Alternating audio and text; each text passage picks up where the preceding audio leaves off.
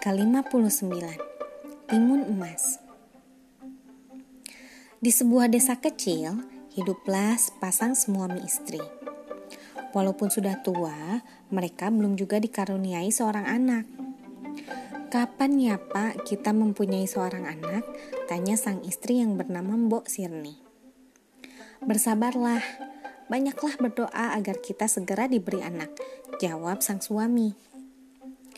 Ketika mereka asyik berbincang, ternyata ada raksasa yang diam-diam ikut mendengarkan. Raksasa itu mendatangi Mbok Sirni dan suaminya. Jika ingin mempunyai anak, aku bisa membantu kalian. Ambillah biji timun ini, kemudian tanamlah di ladang. Nanti di dalam timun ini akan keluar seorang bayi. Tapi aku punya satu syarat, jika anak itu berusia enam tahun, kalian harus mengembalikannya padaku untuk kumakan. Kata si raksasa dengan suaranya yang besar. Suami istri itu pun setuju, karena ingin punya anak. Mereka kemudian menanam biji timun di ladang dan merawatnya hingga berbuah. Buah timun itu berukuran besar dan berwarna keemasan. Mbok Sirni dan suaminya memetik timun itu dan membelahnya. Ternyata benar, di dalam timun itu ada bayi perempuan sedang tertidur.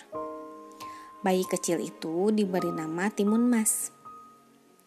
Timun Mas tumbuh menjadi gadis cantik. Tanpa terasa, kini sudah saatnya si raksasa datang dan mengambil kembali Timun Mas. Buk Sirni tidak rela menyerahkan Timun Mas pada si raksasa itu dia pun berusaha mengulur janjinya. Saat ini timun mas masih kecil. Tidak enak untuk dimakan. Tunggulah dua tahun lagi. Dia akan semakin besar dan enak untuk tuan raksasa makan, kata Mbok Sirni. Hmm, baiklah kalau begitu. Aku akan datang dua tahun lagi, kata raksasa sambil pergi. Hari cepat berlalu. Waktu yang dijanjikan pada sang raksasa semakin dekat. Bos Sirni dan suaminya mencari akal supaya timun mas tidak diambil oleh raksasa. Pada suatu malam, Bos Sirni bermimpi. Dalam mimpinya, dia bertemu dengan seorang kakek yang berkata, Pergilah kau ke hulu sungai di Gunung Kidul, di Gunung Gundul. Di sana, kau akan menemukan benda yang bisa membantu timun mas untuk lari dari kejaran si raksasa. Ketika terbangun, Bos Sirni menceritakan mimpi itu pada suaminya. Mereka akhirnya pergi ke Gunung Gundul, seperti yang dikatakan si kakek. Setibanya di Gunung Gundul, mereka mencari hulu sungai yang dimaksud. Di tepi sungai ternyata sudah ada empat bungkusan kecil berisi biji timun, jarum, garam, dan terasi. Setelah mengambil bungkusan itu, mereka pulang.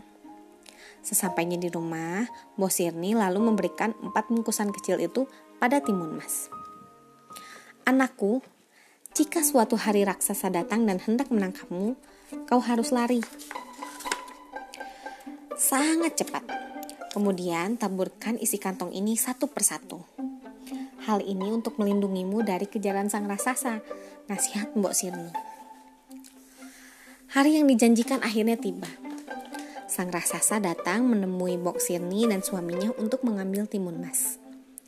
Ketika timun mas tidak segera muncul, sang raksasa mulai marah. Ladang dan rumah milik petani itu dihancurkan. Di kejauhan, raksasa melihat timun mas berlari. Dia pun segera mengejarnya.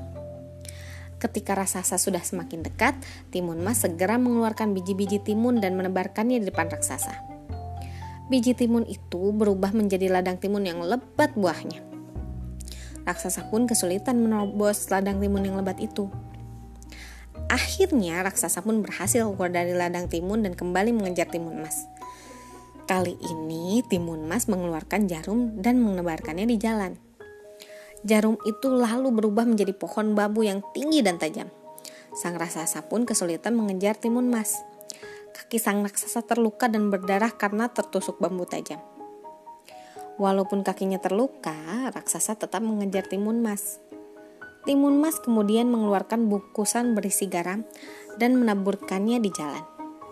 garam itu berubah menjadi lautan yang sangat luas. Raksasa pun harus berenang untuk mengejar timun emas. Setelah susah payah berenang, akhirnya sang raksasa tiba di tepi. Raksasa mulai kelelahan, namun ia tetap berusaha mengejar timun emas. Sekarang yang tersisa hanya bungkusan berisi terasi. Timun emas segera menaburkan terasi di jalan. Kini, jalan itu berubah menjadi lautan lumpur. Raksasa itu akhirnya terjebak di lumpur hitam. Semakin banyak bergerak, ia semakin tenggelam ke dalam lumpur hitam. Akhirnya raksasa yang jahat itu mati dalam lumpur hitam.